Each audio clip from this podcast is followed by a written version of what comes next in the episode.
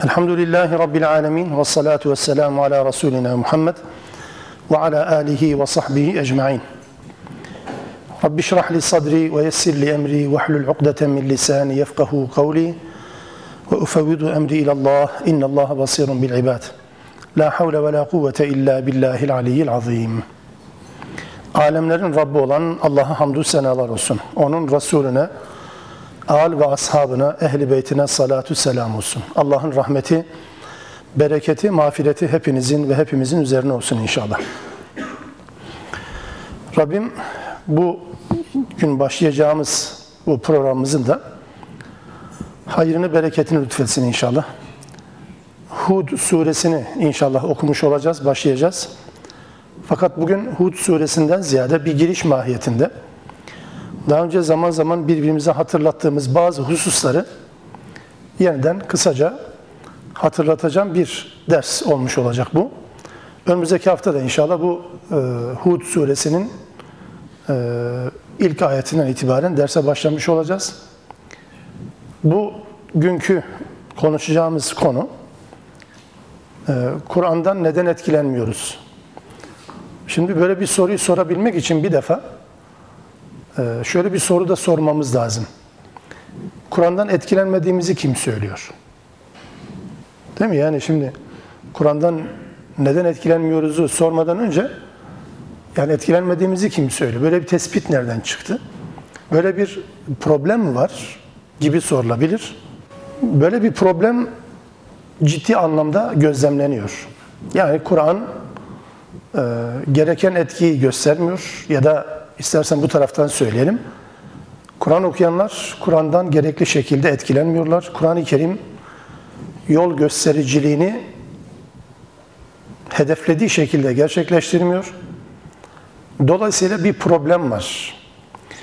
Ee, eski zamanlara nazaran çok okunan, anlaşıldığı zannedilen ama amel noktasında gittikçe uzaklaştığımız bir alan maalesef. Bu alan çarşı pazarlarımızın hali pürmelali bunu yansıtır. Düğünlerimizin durumu bunu yansıtır. Ticaret ilişkilerimiz bunu yansıtır. Komşularla beraberliğimiz, ilişkilerimiz bunu yansıtıyor. Yani bu başlıkları çoğaltabilirsiniz. Birçok konuda Kur'an okuyan insanlar için söylüyorum. Okumayan, bu dünyanın insan olmayan insanlar için zaten değil bu söylediklerim. Kur'an'la haşir neşir olduğunu iddia eden bu insanlar, bizler, nedense Kur'an-ı Kerim'in bu yol gösterici özelliğini üzerimizde yansıtmıyoruz. Bu da bir problem olarak görülüyor. Bunun nedenleriyle alakalı. Kur'an'ın neden bu duruma geldiğiyle alakalı, bizim Kur'an'dan neden etkilenmediğimizle alakalı birkaç madde halinde bunu özetlemeye çalışacağım inşallah.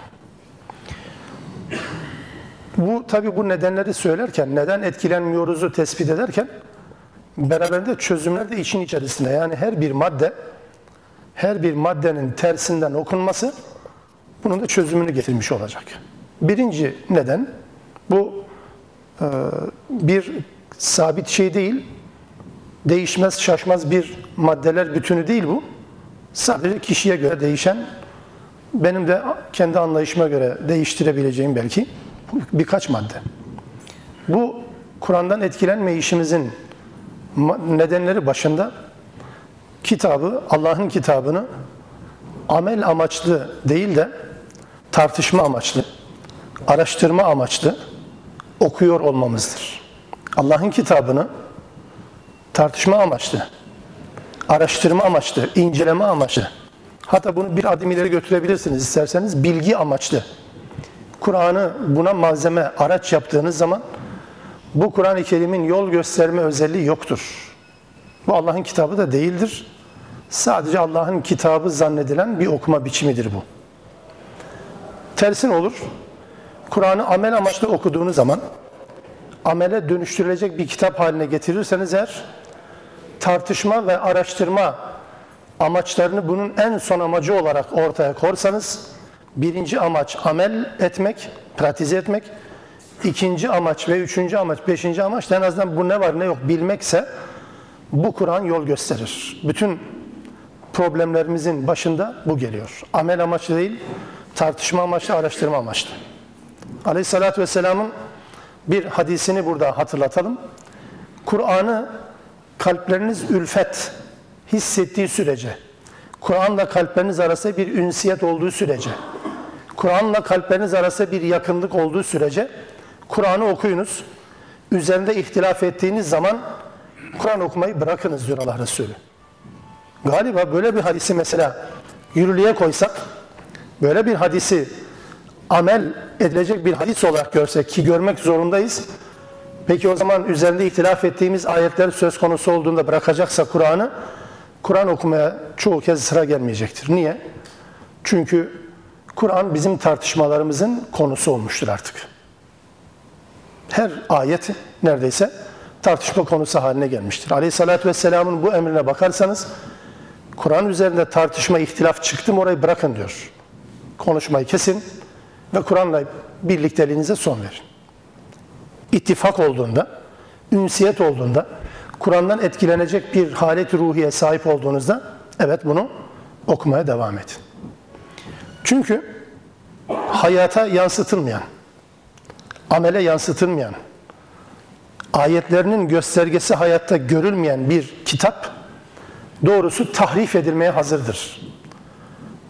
Yani bir başka ifadeyle bir kitabı tahriften korumak için bir kitabı değişiklikten, insanların müdahalesinden, insanların kendi kafalarına göre bir kitap haline getirmekten korumanın en önemli yolu onu hayata yansıtmaktır, amele yansıtmaktır. Ve dikkat edin, Yahudilerin elindeki Tevrat okunmadığı için tahrif edilmedi. Hristiyanların elindeki İncil okunmadığı için tahrif edilmedi. Hem de orijinaliyle İbranice bugüne kadar da bu iki kitap okunuyor, okunmaya devam ediyor. En uzman ağızlar tarafından. Fakat amele yansıtılmadığı için bu kitap tarih içerisinde tahrif edilmek durumunda kalmıştır. Tahrifin nedeni amele yansıtılmamasıdır, pratize edilmemesidir. Kur'an içinde böyle bir tehlike söz konusu mu? Lafız olarak değil ama mana olarak ne kadar tahrif edildiğini herhalde gözlemliyoruz. Her kafadan bir sesin çıktı bir dünyada. Allah Müslümanlara yardım etsin.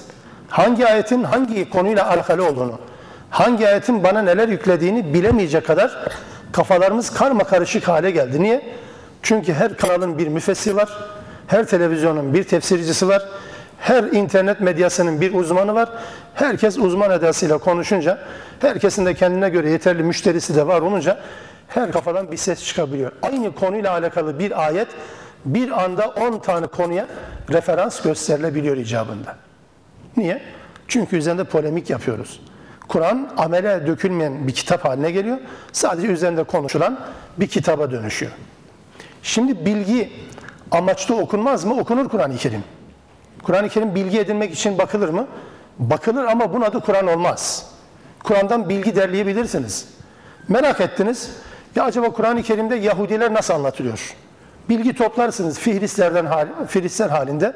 Hangi surede, hangi ayette neler var? Bunu çok güzel tespit edebilirsiniz. Bunun adı bilgidir. Bilgi derleyebilirsiniz. Ya da bizim akademisyenlerin yaptığı gibi Kur'an-ı Kerim'de bir kavram alırsınız. O kavram üzerine araştırma yaparsınız. Bir makale yazarsınız. Yüksek lisans, doktora tezi, doçentlik tezleri yazarsınız. Ama araştırma yapmış oluyorsunuz. Bilgi elde etmiş oluyorsunuz. Doğru. Ama Kur'an-ı Kerim'in amacı bu muydu ki? Kur'an-ı Kerim amaç olarak böyle bir şey gerçekleştirmek için mi gelmişti ki? Onun için bilgi değil de bilgi değil de bilinç amaçlı okunmadığı sürece Kur'an-ı Kerim'in bu hidayet etkisini yapma imkanı yok. Yani bunu beklemeyin. Kur'an-ı Kerim'in böyle bir marifeti yok. Kur'an'ı okuyanlar bu marifeti pratik hayata aktarabilirler. Kur'an bu anlamda akademik konular, tartışma konuları, güncel konular için kaynak olmamalı. Yani bu anlamda Kur'an-ı Kerim üzerinde kendi emellerini, amaçlarını gerçekleştiren olabilir. O çerçevede bulunduralım ve bunun Kur'an okumadığını, sadece Kur'an'ı araştırma konusu yaptığını söyleyebilirim. Bu tamam. Bilmem bu dediğimi fark edebildik mi? Yani bunu net izah edebildim mi bilmiyorum. Yani bir kitabı iki amaç için oku okuyoruz. İki amaç birden gerçekleşir mi? Çok müphem bir şey. Çok meçhul bir şeyden bahsediyoruz. Araştırma ve bilgi edinme amaçlı Kur'an'a yaklaşıyorsunuz. bu Kur'an'ın sizin üzerinize etkisinin olmasını bekliyorsunuz. Hayal. Hayal tamamen hayaldir. Bu bilgi edinme amaçlı olduğu sürece bu böyle olmaya devam edecektir. İsterseniz bakın etrafınıza. Çevrenize bakın isterseniz. Mesela Türkiye'de ilahiyat akademisyenlerinin sayısı. Söz gelimi Kur'an'dan bahsediyoruz. Kur'an ile ilgilenen yani tefsir akademisyenlerinin sayısı arttıkça Türkiye'de artıyor. Türkiye'de yüzden fazla ilahiyat var şu anda sayısını karıştırdık iyice takip edemez hale geldik. Sayıları yüzlerle ifade ediliyor diyelim ki. Peki Türkiye'de tefsir akademisyenlerinin sayısı arttıkça toplumda Kur'an'ın etkinliği artıyor mu gerçekten? Yoksa dibe mi vuruyor, gittikçe azalıyor mu? Yoksa farklı bir şey mi ortaya çıkıyor? Yani benim baktığım taraftan böyle bir şey görünüyor. Sizin baktığınız taraftan nasıl bilmiyorum. Oysa bu kadar güya ilim ehli artıyorsa tefsire katkı sunan, Kur'an'ın daha doğru anlaşılması için bu kadar katkı sunan insan varsa, ilim adamı varsa Türkiye'de çok şeyin değişmesi lazım. Oysa gün geçtikçe geriye gidiyoruz. Bu geriye gidişi nasıl tarif edeyim size? Mesela şöyle bir tanım yapsam, bu tanım kendimizle alakalı. Kendi sahip olduğum, mensubu bulunduğum ilahiyat camiasıyla alakalı. Bunu hepinizle birlikte düşünelim diyorum. Mesela bir gün bütün Türkiye'deki bütün ilahiyat fakültelerinin kapısına kilit vurulsa, hiç kimsenin faaliyet göstermesine izin verilmese, böyle bir süreç başlasa, Türkiye'de Kur'an'la alakalı topluma neyi ulaştıramamış oluruz? Ulaştıramayacağınız ne kalmış olur? Bir eksiklik mi hissedilir? Bir zaaf mı olur? Yani Müslümanlar da şunu mu söyler? Tüh ya bu fakülteler kapandı, dine de hizmet edecek kimse kalmadı mı diyeceğiz? Yoksa bazen tersine tersine bir derin nefes alıp oh be kurtulduk mu diyeceksiniz? Bunu ben itiraf ediyorum. Başkası söylerse belki farklı olabilir. Niye bunu? Bunu bir öz eleştiri olarak söylüyoruz. Çünkü konu Kur'an konusu değil, Kur'an araştırmasıdır. Kur'an'ı araştırıyorsanız bu Kur'an yol göstermiyor. Bu Kur'an topluma yansımıyor. Bu Kur'an toplumun herhangi bir problemine çözüm de getirmiyor. Sadece doktor oluyorum, doçent oluyorum, profesör oluyorum, işte araştırma yapıyorum, makale yayınlıyorum, bu kadar. Demek istediğim bu. Kur'an-ı Kerim'i araştırma kaynağı olarak, bilgi kaynağı olarak ele alırsanız bu Kur'an'ın size vereceği hiçbir şey yok. Yani hidayet manasında söylüyorum. Yoksa bilgi olarak çok şey verir. Kariyer de yaparsınız. Bunun üzerinde para da kazanabilirsiniz. Bu ayrı bir konu. Ama Kur'an, Kur'an olma özelliğini gerçekleştirmiş olmayacaktır. Bu yönüyle şöyle bir kavram kullansam umarım yanlış anlaşılmaz. Kur'an'ı ümmice okumak diye bir tabir, tabir var. Ümmice okumak. Ümmi demek okuma yazma bilmeyen demek değil. Yanlış anlamayın. Kur'an-ı Kerim'de de bu kelime bu anlamda kullanılmıyor. Ümmi demek okuma yazma ile alakası olmayan demek değildir. Ümmi demek anasından doğduğu gün gibi bilgi noktasında saf, üzerine herhangi bir bilgi elde edilmemiş, ön yargısı oluşmamış, şartlanmamış bir konuyu anlamaya çalışırken hiçbir ön bilgi yok, kirletilmiş bir bilgi yok, sıfır kilometre bir beyinle ümmi, ümmilik budur. Peygamberin ümmi oluş da buydu. Okuma yazma biliyor bilmiyor ayrı bir konu, ayrı bir bağlamda değerlendirilebilir ama peygamberin ümmiliği önünde kafasında hiçbir bilgi yok. Elinde bir materyal yok. Ee, bilgi elde edildiği bir kaynak yok. Yok yok yok. Ne var sadece?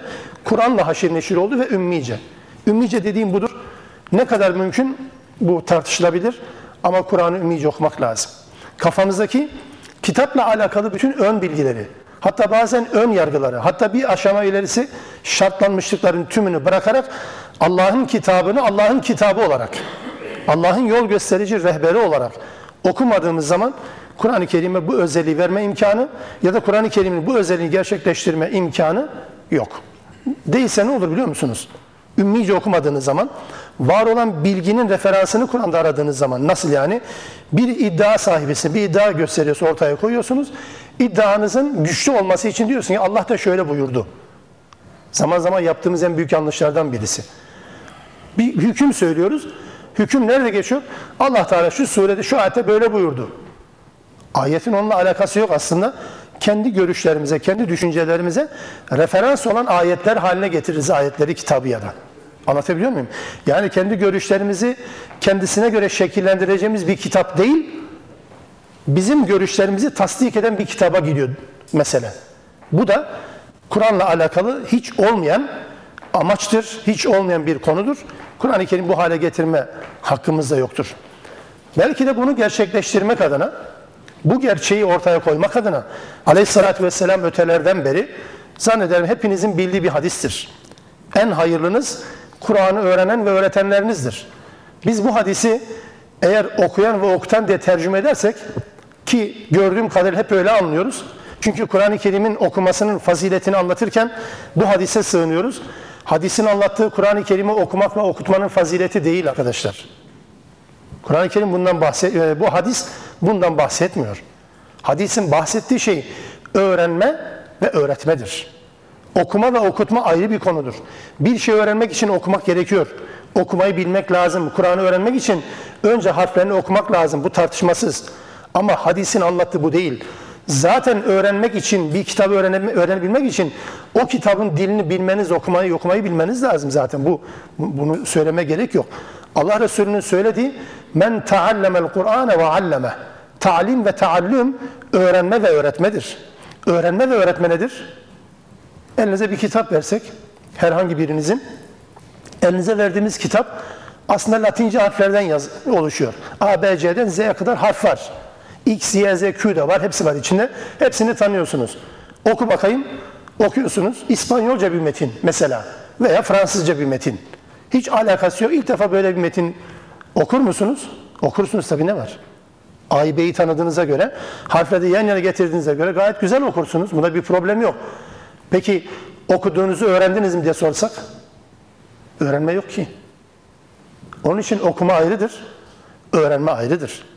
Kur'an'ın tabi tutulduğu şey okuma şu anda öğrenme değil. Bunu öğrenme aşamasına geçirmek durumundayız. Okuma aşamasını okuma aşamasını halletmeliyiz ve öğrenme aşamasına geçmek zorundayız. Okuma aşamasında kaldığımız sürede bu hadisin hedefi gerçekleşmemiş olacaktır. Bunu peki dün ilk muhataplar bunu gerçekleştirdiler mi fazlasıyla? Çünkü onlar öğrenmek için okuyorlardı ashab-ı kiram. Kur'an'ı okumalarının amacı, nedeni öğrenmekti. Bizim şu anda Kur'an'ı öğrenmemizin amacı okumak. Okumayı öğreniyoruz.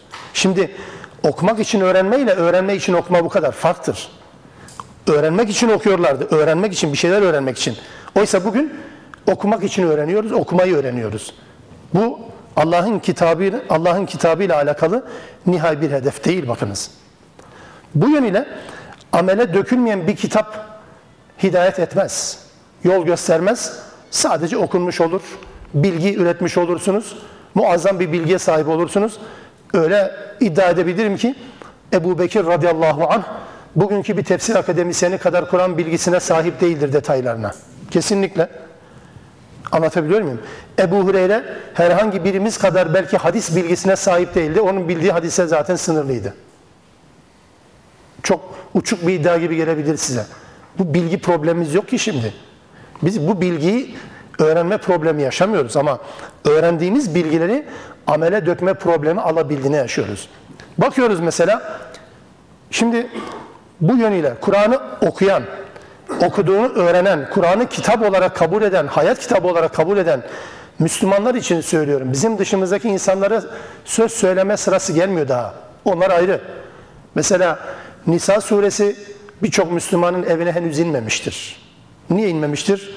Miras taksiminde Allah Teala'nın öngördüğü kurallar yok.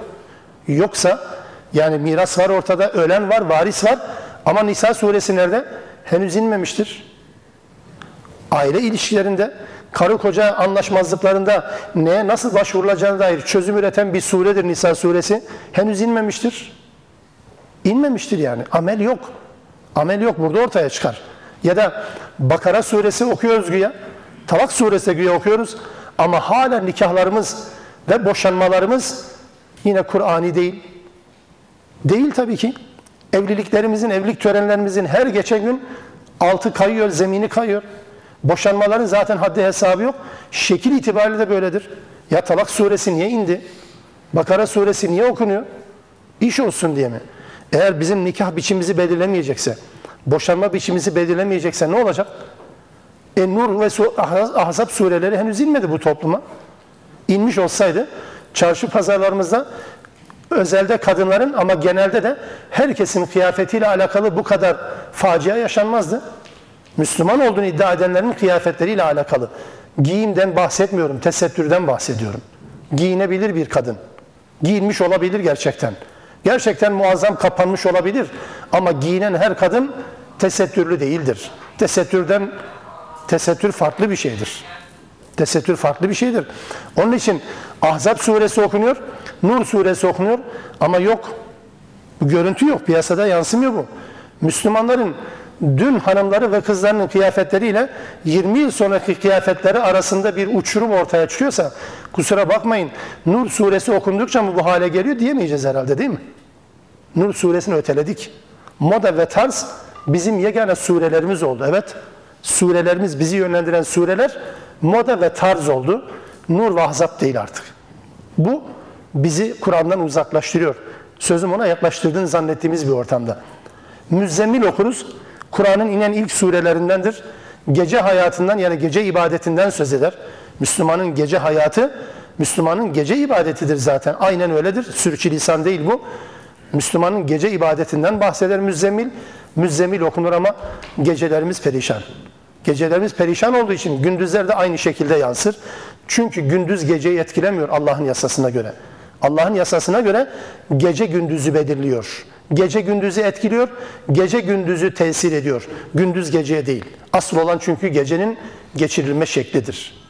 Onun için müzzemmil var ama yok gibi henüz inmemiş gibi. Nüzül döneminde ashab-ı kiramın amel etme hassasiyetiyle alakalı sayısız örnekler var. Kıble değişikliği niye ansızın yapıldı? Tesettür emri geldiği zaman Müslüman kadınlar niye elbiselerinin altında uzan uzun kısımlarını, fazla kısımlarını üzerine atarak, atarak kendilerini eve ulaştırdılar? Yani eve dönelim hele sonra bir düşünelim değil de çarşıdan eve ulaşıncaya kadar o sürede duydular. Duydukları süre eve geçinceye kadar da amel edilmemesi gereken bir süre olarak görülmedi. Amel edilmesi gerekiyordu. Eve kadar. Bir dükkana gidelim. Ayakkabıya göre manto, pardesi, pardesiye göre şarp ve şarba göre bilmem ne öyle değil. Eteğin birisini koparıyor, fazla bir elbise üzerine alıyor. Bu tesettür emrini duyduğu andan itibaren eve varıncaya kadar 10 dakika mı 15 dakika mı sürer o süre içerisinde bile ihmal etmiyordu. Niye? E, amel etmek bunun için de zaten ayet iş olsun diye gelir mi? Neyi erteleyeceksiniz? Eve varıncaya kadar erteleyenler haklı diyeceksiniz. E, evden belli bir yere varıncaya kadar da ertelemek haklı. Tabii ki. Öğrencilik yıllarında da öğrenciliği bitirinceye kadar o da haklı. Çalışınca emekli oluncaya kadar o da haklı. Ne zaman tesettür olur? Emekli olunca. Emekli olduktan sonra da bir sefer gerek yok zaten. Allah Teala açılmanızda açılmanızda da bir sakınca yok diyor zaten. Nur suresinde. Yaşınız ilerledikten sonra zaten gençken örtünmeniz gerektiği gibi örtünmenize gerek yok diyor Allah Teala. Bizimkiler de yaşlandıkça örtünün şekli artıyor, örtünün rengi artıyor, örtünün nesi artıyor. Allah Teala buna müsaade ediyor ya. Niye? Çünkü amele dönük bir anlayışla okumadığımız zaman iş bu noktaya gelir. Hiç kimse asr-ı saadet döneminde faiz biliyorsun peygamberin vefatına yakın dönemde yasaklandı. Faiz yasaklandığı yıla kadar faiz serbestti demek ne demek? Ticari bir ilişki. Vermişim 100 lira gelecek 200 lira. Tefecilik resmen. İslam bunu yasaklamadan önce böyleydi. 100 vermişim 200 gelecek. Servet sahibiyim. Gelecek olan miktar iki katı para gelecek.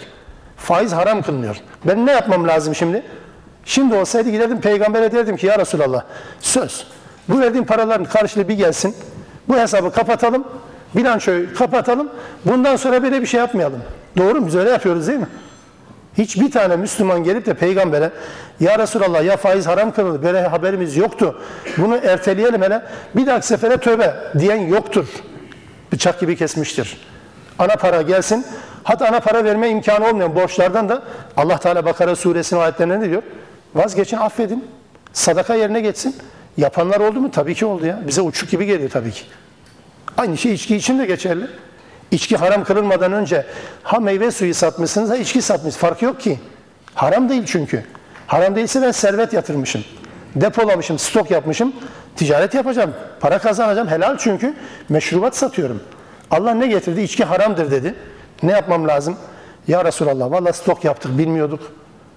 Söz. Bundan sonra içkiye para bağla. Bu elimizdekiler bitsin. Olmaz mı yarısı? Peki yarısını? Yarısı bir çözümü yok mu ya? Yok vallahi. Diyen olmadı ki böyle. Yok. Ayet indiği zaman Medine sokaklarında içkiler sel gibi aktı denir değil mi? Niye? Dertleri neydi ya? Bu kadar servet niye döküldü? Ayet indi diye. Amel edilmesi gereken ayettir çünkü.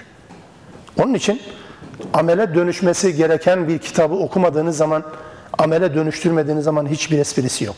Sadece okuruz okuruz ve geçeriz. Nasıl ki okunan her secde ayetinin gereği nedir? Tilavet secdesi değil mi? Her secde ayeti okunduğu zaman tilavet secdesi yaparsınız. Yaparız. Peki her okunan ayetin de gereği nedir ki? Mesela her okunan tesettür ayetinin gereği örtünmektir. Her okunan faiz ayetinin gereği kaçınmaktır.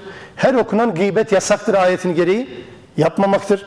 Her okunan yalanla alakalı tehditlerin ayeti gereği vazgeçmektir vesaire vesaire. Dolayısıyla Kur'an'ı biz sadece bir virt kitabı okuyup kendi kendimize deşarj olacağımız bir kitap haline getirme hakkımız yok. O anlamda amele dönüştürülmesi gereken bir kitap olmadığı zaman bu kitap daha çok tarif edilir. Tevrat ve İncil gibi lafızları tarif edilmez. Lafızları yerinde kalır. Biz de lafızların tarif edilmemesiyle yetiniyoruz değil mi? Ne güzel kitabımız var. Tevrat ve İncil'in tabi tutulduğu tarife tabi tutulmamış. Hiçbir harfi değişmemiş. Değişmemiş de içerisinde bir şey kalmamış ki. İçerisinde bir şey kalmamış. Aynı Müslümanlara bakıyorsunuz. Bu kitabı okuyan Müslümanın hanımına bakıyorsunuz. Okumayan Müslüman hanımına bakıyorsunuz. Fark var mı? Bunu okuyan Müslümanın ticaretine bakıyorsunuz. Okumayan ticaretine de bakıyorsunuz. Hiç fark yok. Bunun hayat anlayışına bakıyorsun, onun hayat anlayışına bakıyorsun. Fark yok. E, o zaman ne anladık bu işten? Bu kitabın kendisine bir numara yok. Bu kitabı okuyan insanlar bunu hayata yansıtınca bu kitabın özelliği ortaya çıkmış olur. Yoksa bu kitap böyle matbaadan çıktığı zaman sihirli büyülü bir tarafı yok bunun. Bunun okunması lazım. Onun için, onun için adı Kur'an'dır. Yani okunan kitaptır. Okundukça, tilavete dönüştürüldükçe, gereği de yerine getirildikçe bu kitap kitap olur. Yoksa yerinde durur. Çok da fazla bir şey değişmeyecektir. Fudal bin İyaz bunu ilk günde çok güzel söylemiş. Fudal bin İyaz kimdir derseniz, tabi'in alimlerin ileri gelenlerinden bir tanesi. Diyor ki Kur'an kendisiyle amel edilsin diye indirildi. Kendisiyle amel edilsin diye indirildi kitap. Ama insanlar onu okumayı amel haline getirdiler. Okumayı amel haline getirdiler. Çok fahiş bir fark. Amel edilmek için gelen bir kitap, okunması amele dönüştürülen bir kitaba dönüştü. Okuması amel. Öyle bir amacı yok bu kitabın. Bu kitap bizatihi kendisiyle amel edilsin diye gelen bir kitaptır. Sadece emir ve yasaklarla sınırlı değil bu söylediğim deminden beri. Bu birinci madde.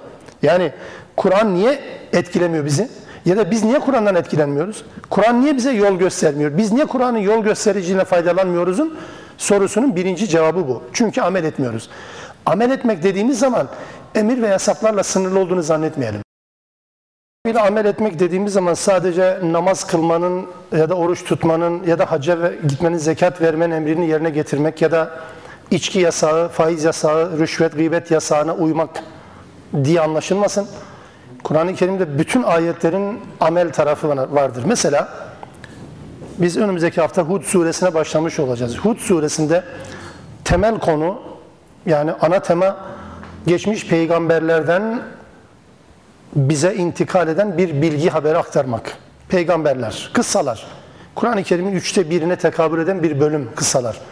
Peki kıssaları okudu Kur'an-ı Kerim'de amel etmemiz gerektiren ne var mesela diyeceksiniz. Neyle amel edeceğiz? Kastettiğim şu. Kur'an kıssalarının hiçbirisi sadece tarihi bilgi vermek amacıyla anlatılmıyor. Bu kıssaların her birisinin hayatımızda, bulunduğumuz bölgede, bulunduğumuz zaman diliminde, bulunduğumuz coğrafyada, bulunduğumuz hayat şartlarında bir karşılığı vardır. Ad'inkine benzemiyorsa Semud'unkine benziyor hayatımız. Benzemiyorsa ya Lut'unkine benziyor Allah muhafaza ya da Şuayb'inkine benziyor. Ya da İsrailoğullarına benziyor veya havarilerinkine ya da Mesih İsa'nın kavmine benziyor. Ya da Süleyman'ınkine benziyor. Yani mutlaka birisine benzeyecektir. Ya peygamber diyor üslubu yöntemi olarak ya da bu peygamberin geldiği kavim olarak hiç sekmez bu. Mutlak surette hangi yerde hangi zaman dilinde yaşıyorsanız yaşayın Kur'an'da size benzeyen bir toplum vardır kesinlikle. Yani Nuh Aleyhisselam'ın kavmi salihleri putlaştıran bir toplumdur. Salihleri Allah yerine koyan, peşlerinden giden bir toplum, sapan bir toplum. Ad kavmi lüzumsuz zevkine ev yapan, inşaat yapan bir toplum. Semud kavmi ölmemek üzere plan yapan bir toplum. Şuayb'in kavmi ticari ahlaksızlıklarda prim yapan bir toplum. Lut kavmi eş cinselliğin, cinsel sapkınlığın prim yaptığı bir toplum. Musa'nın kavmi kitap ve peygambere iman ettiğini söylediği halde kitap ve peygambere ters hayat yaşayan bir toplum. İsa'nın kavmi Allah'ın söylediklerinden daha fazlasını din olarak ortaya koymaya çalışan, Allah'ın söylemediklerini Allah söyledi diyen bir toplum. Örneklerin tümü böyledir. Mutlaka bir tarafa benzeyecektir. Ya öyle ya böyledir. Bunu biz sadece geçmişte yaşanan bir olay olarak alırsak Kur'an-ı Kerim'in bize söyleyeceği hiçbir şey yok. Anlatabiliyor muyum? Bazen bir toplumda 3-4 tane kavmin özellikleri birden olur mu? Olur tabii ki. Şehrin bir mahallesi Semud kavmi, bir mahallesi Ad kavmi, bir mahallesi Lut kavmi, bir mahallesi Musa'nın kavmi gibi e, olur tabii ki. O da var. O anlamda kıssaları hayatın merkezine koymak durumundayız. Amel etmeyle kastettiğim bu. Allah'ın sıfatlarına amele dönüşenleri nedir? Esma-i Hüsna'yı ezberliyoruz, biliyoruz, öğreniyoruz değil mi? Esma-i Allah'ın güzel isimleri. Allah'ın isimlerinin Allah'a ait olan kısmı ilgilendirmiyor ki bizi ya. Ben zaten Allah alimdir demesem de Allah alimdir. Bunu benim söylememin bir anlamı yok. Allah'ın alim olduğunu benim bilmem lazım ve hayatıma yansıtmam lazım. Nasıl yani? Allah benim her şeyimi biliyor. Gizlimi de, açığımı da, niyetlerimi de, amellerimi de biliyor. O zaman kendime çeki düzen vereceğim. Çeki düzen vermiyorsam Allah bilmiyor zannediyorum. Allah müheymindir, kontrol ediyor değil mi? Gözetendir. Ama da gözeten ha. O kadar yanlış yapıyoruz. Allah'ın gözetici olduğunu söylüyoruz. Hani olmadı ki. Allah'ın sıfatı budur. Allah evveldir, ahirdir değil mi? Öncedir ve sonradır. Ondan önce kimse yok, ondan sonra kimse yok. En evvel, en başta, en sonda o. Ne olmuş yani? Getirin, ticaretinize, dükkanınıza başlarken Bismillah dediğiniz gibi, kapatırken de Bismillah deyin hadi. Anlatabiliyor muyum? Düğünüze başlarken Allah'ın emriyle, peygamberin kavliyle diye başlıyorsunuz. Niye sonunda kıvırıyorsunuz, şeytanın sözüne dönüyor düğünler? Başlarken evvel Allah'sa niye sonuç Allah olmuyor? Evlenirken nikah Allah'ın emriyle yapılıyor. Boşanma niye başkalarının emriyle yapılıyor? Soluğu başka yerden alıyorsunuz. Evvel Allah diyorsunuz değil mi? Demek ki hayatımızı bazı yerlerinde evvel Allah oluyor, bazen ahir başkası oluyor. Bazen ahir Allah oluyor, evvel başkası oluyor. Olmadı. Sıfatlar bu yani. Allah'ın isimleri beni ilgilendirdiği zaman öyledir. Allah hakimdir, hüküm verir. Ne olmuş yani? Versin. E o hüküm beni ilgilendirmiyorsa, benim hayatıma çeki düzen vermiyorsa, dizayn etmiyorsa hayatımı, istediğin kadar Allah'ın hakim olduğunu söyleyelim. Her esmanın, Allah'ın her isminin hayatıma yansıması lazım ki, o isim benim hayatımda tecelli olmalı ki, Allah'ı ben doğru tanımış olalım. Yoksa ben öyle desem de, bütün hepimiz koro halinde aziz desek de, bir şey değişmeyecek Allah'tan. Ama ben ya da biz Allah'ın aziz oluşunu hayatımıza yansıtırsak, evet Allah aziz olduğunu bilirsek o sıfatlar bize yansımış olur. Yoksa papağan gibi ezberlemek ya da öğrenmek anlamında değil. Bu birinci nedendi. İkinci problem, Kur'an'dan neden etkilenmiyoruz? Ya da Kur'an niye bizi etkilemiyor? Bunu tartışıyorduk. İkinci neden, kendimizi muhatap kabul ederek okumuyoruz. Hep başkalarına hitap ediyor diye okuyoruz. Kendimize inmiş kabul ederek okumuyoruz. Hep başkasına inmiş gibi kabul ediyoruz. Hani bizde vaaz kültüründe nedir? Vaaz kürsüde vaaz verirken tam birine dokunur böyle. Hani bir taş geldi diyorsunuz ya. Hiç kimse bu taşın kendisine geldiğini hesap etmiyor. Hep kim ne diyor? Yandakine dürtüyor. Bak senden bahsediyor diye. Yok. Kur'an okunurken bu yanlış.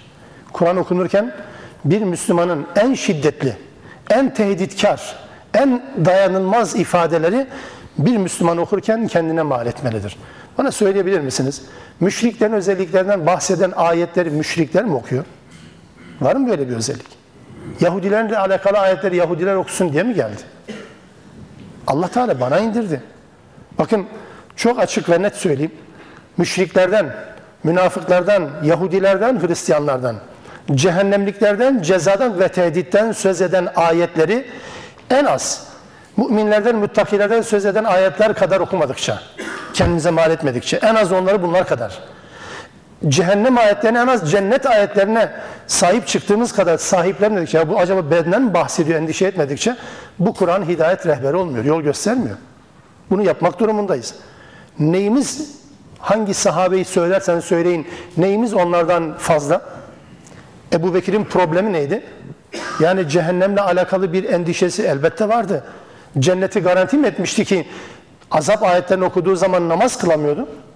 Peygamber Aleyhisselam'ın vefatında, vefatı sırasında o imamlık yapsın dediği zaman Ebu Bekir'in imamlık yapmasına karşı çıkan Hazreti Ayşe'nin temel endişesi buydu. Endişelerden birisi buydu. Namazı bitiremezdi. Namaz kıldığı zaman göğsü öterdi. Niye? E, tabii hayatta kırıkları var, sıkıntıları mecburen ürkecek tabii cehennemde öyle mi diyeceğiz? Yoksa hiç kimse nefes aldığı sürece cehennemle alakalı emin olmaz. Cennetle alakalı da garanti veremez. Nefes alıp veriyor mu? Yarını var mı? Az sonrası var mı bilemezsin. Onun için cehennem, tehdit, azap ayetleri en az cennet ayetleri kadar, mükafat, ödül ayetleri kadar, teşvik edici ayetler kadar Müslüman tarafından okunmalıdır. Bu olmadığı zaman da işe yaramayacaktır. Yanımızdakine değil, falan mahalledekine değil, falan semttekine değil, falan ildeki insanlara, falan particilere, yöneticilere, siyasilere, şunlara bunlar öyle değil ya. Bu ayet bana okunuyor. Bu mantıkla okumadığımız sürece Kur'an-ı Kerim'den faydalanma imkanımız yok. Bunu tersine çevirirsek her inen ayeti bana hitap ediyor düşüncesiyle okuduğumuz zaman kendimizi düzeltiriz. Kur'an-ı Kerim'in yol göstericiliği aslında gerçekleşmiş olur. Sabit bin Kays örneğini zaman zaman derslerde veriyorum. Çok tipik bir örnektir. Hucurat suresinin ayetine şahitlik yapıyor. Nazil olmasına şahitlik yapıyor. Ey iman edenler seslerinizi peygamberin sesi üzerine yükseltmeyin ayetiyle alakalı. Sabit bin Kays sesi gür çıkan birisi kulağı duymadığı için yüksek sesle konuşuyor. Dolayısıyla bu ayeti okuduğu zaman bizim gibi olsaydı ne yapardı biliyor musunuz? Benim düşüncem bu ayet indi gidip böyle bir peygambere birine soralım ya bu ayet acaba kimin hakkında inmiştir? Gayet kolay yol bu. Öyle yapmadı sabit. Ayeti okudu kendine baktı. Eyvah benden bahsediyor. Ameller boşa gider diye bitiyor ayet-i kerime. Ameller boşa gider böyle olursa. Gitti evinde ağladı peygamber. Ya neyin nesi bu niye görünmüyor? Birisi gitti baktı ki ağlıyor. Niye ağlıyorsun? Dedi ben münafık oldum amellerin hepsi boşa gitti. Niye böyle diyorsun? Bu Hucurat ayetinin ikinci ayetini gösterdi. Sesinizi yükseltmeyin peygamberin ve sesi üzerine amelleriniz boşa gider. Peygambere geldi bunu söyledi. Peygamber aleyhisselam dedi git ona söyle o cennetlik. Bu ayet ondan bahsetmiyor. Bu ayet peygamberin tarifine göre neden bahsediyordu? Allah ve Resulünün söz söylediği bir konuda Resulün söz söylediği bir konuda ona rağmen görüş belirtenlerle alakalıdır. Peygamber şunu yapın diyor, Müslüman da bana göre böyledir diyor. Ayet bundan bahsediyor dedi. Sabit bin Kays rahat bir nefes aldı. Yer müktede şehit olmuştu. Bunu söyledi. Dolayısıyla Sabit bin Kays Bedir ehli bir insandı. Gözde sahabelerden bir tanesiydi. Bizim gibi kestirme yoldan gitmedi. Gidip kimseye sormadı bunu. Ayet indi. Bu ayet herhalde benden bahsediyordu. Özellikleri kendi üzerine uygulamaya çalıştı. Ondan dolayı tedirgin oldu. Tedirgin olalım, isabet etmeyelim ama. Yani diyelim ki müşriklerden, müşriklerin özelliklerinden bahsetti. Bir Müslüman okusun, aman Allah'ım acaba benden bahsediyor. Kendi kendine tedirgin olalım. Ama özellikler bizde olmasın tabii ki. Bu ayeti kendimize mal etmediğimiz sürece hep Mekke'ye mi gideceğiz Allah aşkına? Münafıklardan söz eden bütün ayetlerde Medine'de muhatap arayacağız. Kendi Medine'mize ne zaman geliyoruz? Gelmiyoruz ki. Bu yapıyla okuduğumuz zaman Kur'an-ı Kerim yol göstermiyor. Üçüncü bir neden, Kur'an-ı Kerim'den neden faydalanmıyoruz? Bize lazım olduğunu düşündüğümüz kadar ayetleri okuyoruz. Sıralamayı kendimiz yapıyoruz. Surelerin sıralaması kendimiz yapıyoruz. En önemli sureler hangileri? En önemli sureler Yasin. Çünkü herkes söylüyor, herkeste okunması lazım. Yasinsiz gömülen bir adam duydunuz mu siz hiç? Peki Saffat okunsa olmaz mı? Peki sonraki gelen, önceki gelen Fatır okunsa olmaz mı? Olmaz tabii ki. Önem sırası o. Sınava çocukları sokarken anne babalar tenzih ederim sizi. Fetih suresi ısmarlıyorlar. Benim telefonuma mesaj geliyor. Bu akşam bir Fetih suresi okuyalım çocuklarımızın başarısı için. Ve gafil. Fetih suresi Hudeybiye anlaşması için inen bir suredir. Müslümanların müşriklerle mücadelesinin doruk noktasına çıktı. Artık ondan sonra tehlikelerin bertaraf edildiğini haber veren bir suredir. Ben bunu gelip KPSS suresi yapıyorum. YGS suresi, LYS suresi yapıyorum. Ne saçma şey değil mi? Çünkü lazım olduğunu öyle düşünüyoruz. Hatta daha net bir şey söyleyeyim. Mesela konularına göre fiilist oluşturulur Kur'an-ı Kerim'der. Fiilistler. Reddetmiyorum. Faydasından da uzak değiliz. Faydası da var elbette. Bunu da inkar etmiyorum. Ama Kur'an fiilistlerinden hareketle Kur'an'dan bilgi devşiriyoruz. Kestirmeden gidiyoruz. Ne bize lazım olan? Kur'an'da infak, Kur'an'da zekat, Kur'an'da hac, Kur'an'da cihat, Kur'an'da tağut, Kur'an'da yönetim. Uçuyor konular havada. Peki sıra diğer sureler ne zaman gelecek? Eğer bunlar önem sırası ön plandaysa. Birinci, ikinci, üçüncü on sıra yaptınız. Peki on birinci sırada Mürselat ne işe yarayacak? Mürselat suresi. Hiç lazım oldu mu bu toplumda? Görmedim şimdiye kadar. Mesela Zariyat suresine hiç söz edildiğini duymadım şimdiye kadar.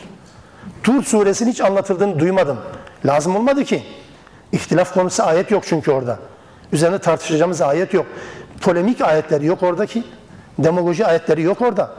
Orada sadece sadece ve sadece iman var, ahiret var, bilinç var, şuur anlatılıyor. Başka bir şey anlatılmıyor ama sıra gelmez. Bu sadece örnekler. Rahat suresi ne işe yarar? Nahl suresi ne işe yarar? Hiçbir işe yaramadı şimdiye kadar. İşe yaradığına şahit olmadın yani bu toplumda. Konuşma anlamda da şahit olmadı. İşe yaramadı şimdiye kadar. Yani pratik anlamda da olmadı. Kimse de muhtaç olma, ihtiyaç hissetmedi. Nahl suresi olmasa ne eksilir? Soru bu. Nahl suresi olmasa Kur'an'da, Rahat suresi eksik olsa ya da mesela mesela diyelim ki Fatır suresi eksik olsa bu toplumun nesi eksilir? Eksilir diyorsanız gerçekten mükemmel bir Kur'an anlayışımız var. Ama eksilmez diyorsanız ben öyle itiraf edenlerdenim. Ciddi bir problemimiz var. Sıralama bizim yapma hakkımız yok. Anlatabiliyor muyum? Medeni ayetleri okuyacağız. Fakat Medine'yi, Medine toplumu oluşturan Mekke ayetler olduğunu unutuyoruz. Medine toplumunun o direncini, ahlakını, edebini, birlikteliğini, mukavemetini, direnişini sağlayan şey Mekke ayetlerdir. Mekke ayetler. Biz nüzul sırası itibariyle değil, Musaf sırası itibariyle okuyoruz. Bakara başladık Medine, Ali İmran Medine, Nisa Medine, efendim sonra Maide Medine, En'am Mekke, Araf Mekke, sonra Enfal Medine, Tevbe Medine, şimdi Hud tekrar Mekke, Mekke dönemi olması lazım gelen bir bütün halinde okuyabilmektir. Mekki sureler aynı konuları tekrar tekrar anlatır. Bıkarız değil mi? Aynı cümleyi. Ya 13 sene peygamber aynı şeyi anlattı. Türkçesi bu. Ne kadar bıktırıcı bir şey.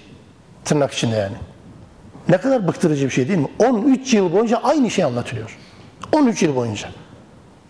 Bir sureyi ya da aynı muhteva ile alakalı 5 sureyi peş peşe anlatsak emin ol ya yeter artık ya deriz. Peygamber 13 yıl boyunca bu toplumu oluşturdu. 13 yıldan sonra zaten 317 iken 17 kişiyken 317 kişiyken Bedir'e silahsız bir şekilde müşriklerle mücadeleye çıktılar. 3 katı teçhizatla o biçim. Nasıl bir şey bu?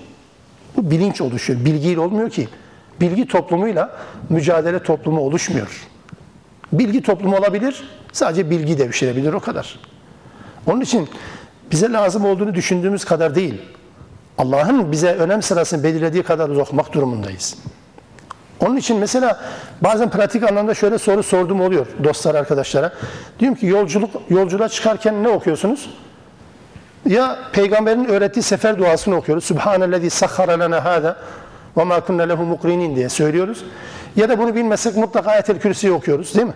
Fatiha okuyoruz. Yani kesinlikle uçak yolculuklarında özellikle ne olur ne olmaz. Türbülans düşer müşer. Sonra peki uçak inince uçak indikten sonra duasını okuyan kaç Müslüman var? Ben pek rastlamadım. Lazım değil ki. Çünkü iş bitti.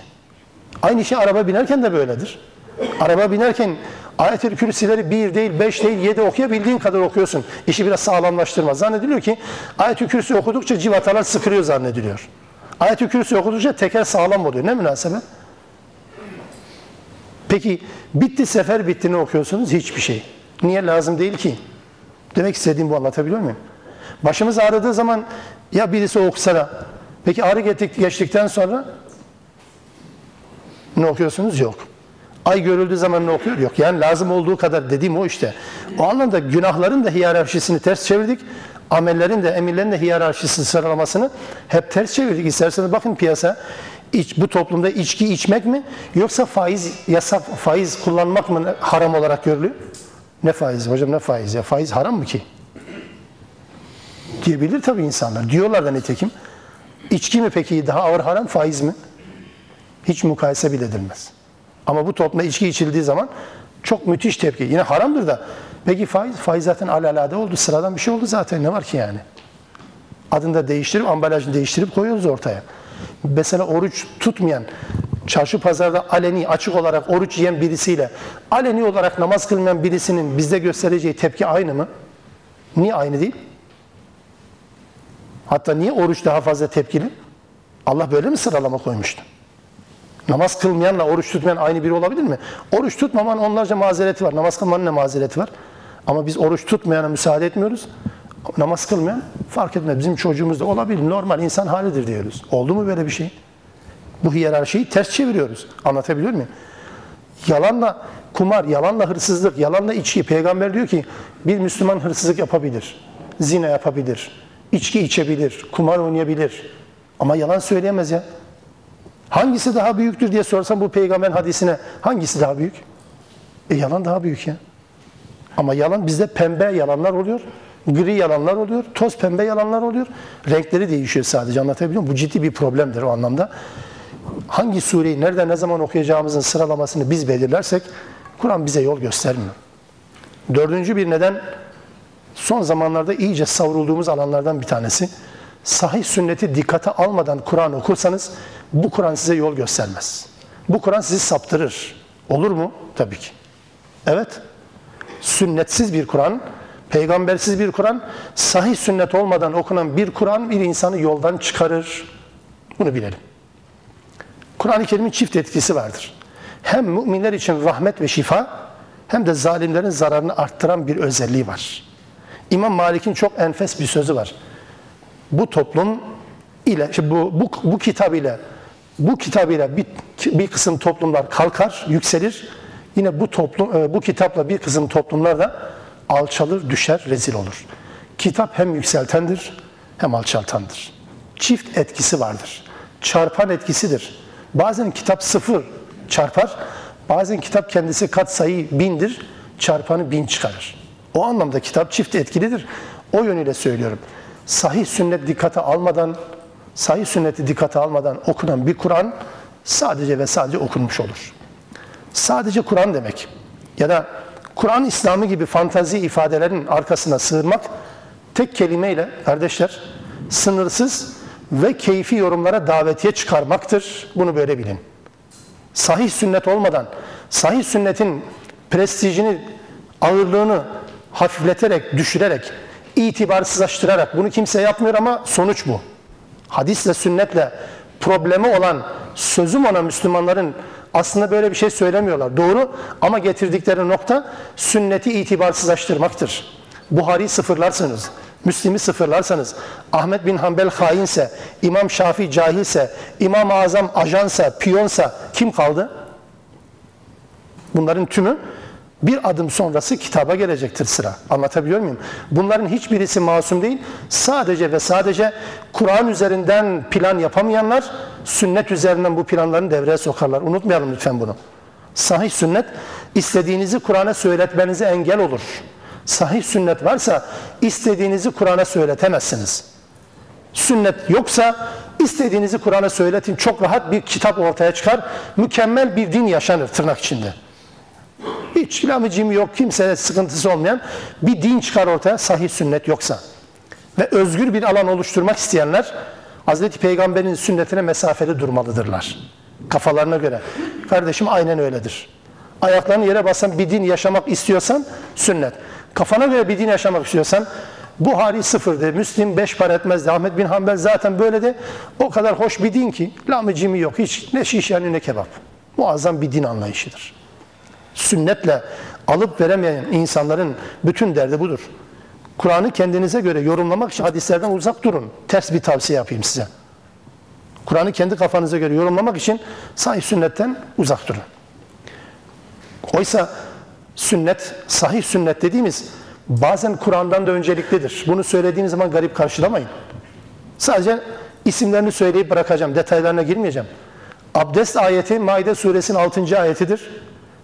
Bunu bilesiniz diye, bilmeniz gerekir diye söylüyorum. Öyle ezbere okuyup gitmekle bu iş olmuyor bakınız. Çünkü yükselen bir trendtir.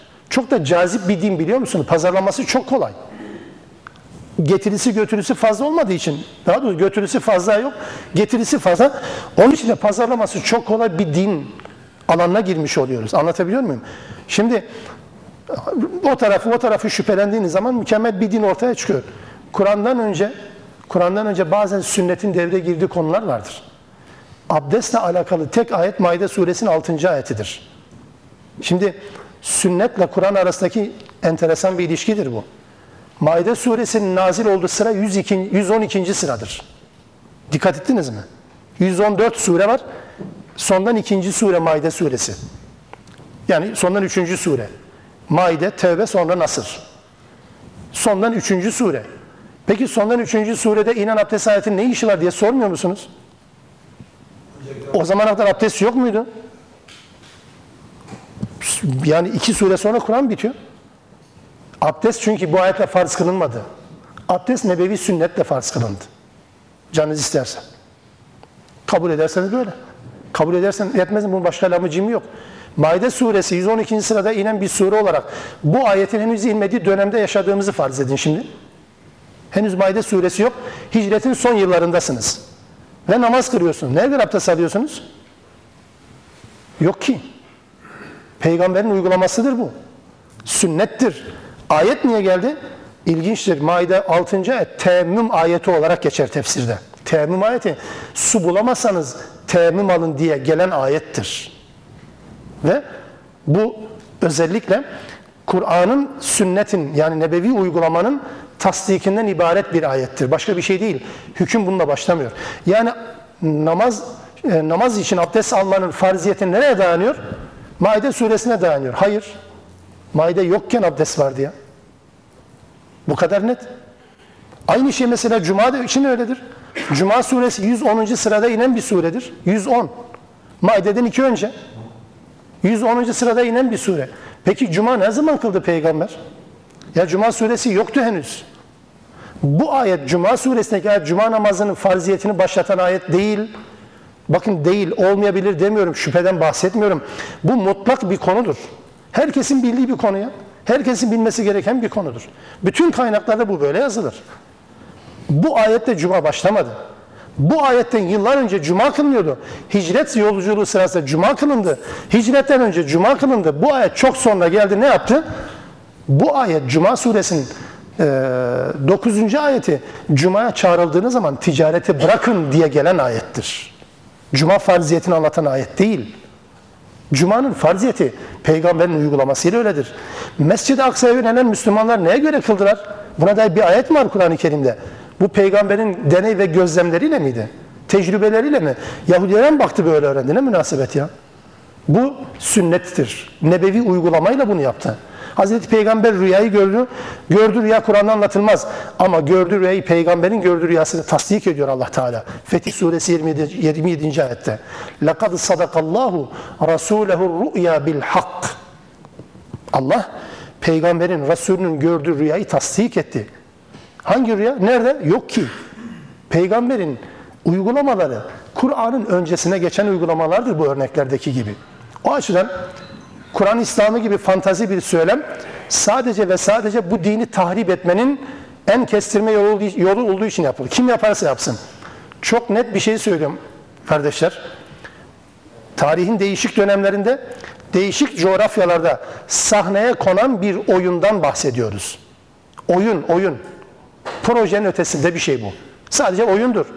1898'de vefat tarihi 1898 Seyyid Ahmet Han Seyyid Ahmet Han'ın söylemlerini açın okuyun tarihte. Hint alt kıtası tefsir hareketlerinden birisidir Seyyid Ahmet Han.